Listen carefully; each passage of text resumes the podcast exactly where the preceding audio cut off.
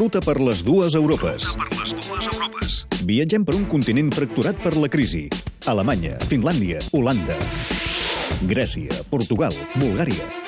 L'Europa del nord i del sud. Quan falten pocs dies per les eleccions europees, Cèlia Cernades i Sergi Roca ens expliquen què hi passa. Avui, Holanda i Portugal. Ladies and gentlemen, uh, welcome to Amsterdam Subway Airport. A 1.500 quilòmetres de Barcelona, Amsterdam és la capital d'un dels països fundadors de la Unió Europea i un dels seus membres més rics. Oasi multicultural, visible a barris com el de Kinkerstraat i paradigma de la tolerància i el benestar. Aquesta és la imatge que des de fa uns anys comença a mostrar esquerdes, segons admet en to irònic Gurt Eisvogel, columnista del diari NRC. Crec que en aquest cas sí que puc fer una observació general. Molt poca gent creu encara que Holanda pot ser un model per la resta. Fins aquí també han arribat les retallades a càrrec de l'impopular govern de coalició del liberal Mark Rutte.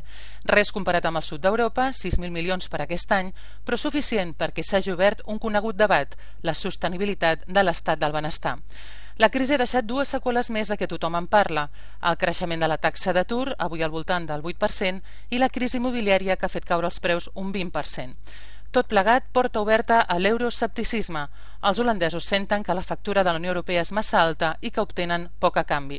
I qui pretén capitalitzar aquest malestar és el populista i xenòfob Geert Wilders, a qui tothom pronostica un ascens electoral fins com a mínim la segona força.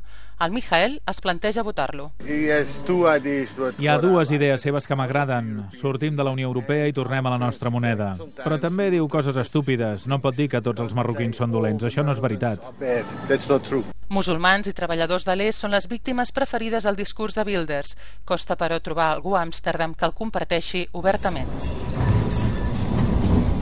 A Lisboa, el so, la imatge dels elèctricos, els tramvies, passant enmig de cartells electorals en què es demana mudar, canviar la política, pot fer pensar que hi ha ambient d'europees, però res més lluny de la realitat. Els portuguesos cada vegada volen sentir menys a parlar de Brussel·les.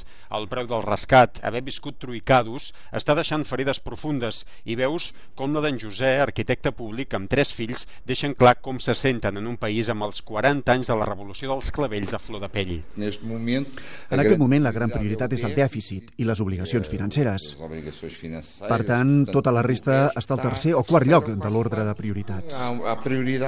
La Troika se'n va el 17 de maig. De forma neta subratlla el primer ministre Passos Coelho, però al darrere hi queda un 15% d'atur, una generació agasca, perduda, malgrat ser la més ben formada, i unes retallades socials que s'eternitzaran i que estan matant les conquestes socials de l'època democràtica. Ho exemplifica un dels afectats, el professor de la Universitat de Lisboa, Jorge de Sá. Aquí contamos una historia que creo que era una broma, creo que en España lo contan de un caballo inglés, aquí le contamos de un caballo español, que es el tipo que había habituado su caballo a no comer y que lástima, pero su caballo se murió y ya estaba habituado a no comer ¿eh? desde días i se murió. I aquí lo està matant. El dia 25 de maig hi haurà més del 50% d'abstenció, potser el 60%. Segurament guanyarà el Partit Socialista, ara l'oposició, però tant li fa. La sortida ja pot ser neta, que la desafecció és total. Els portuguesos han perdut l'empatia amb un projecte europeu que consideren que ha d'escarrilar.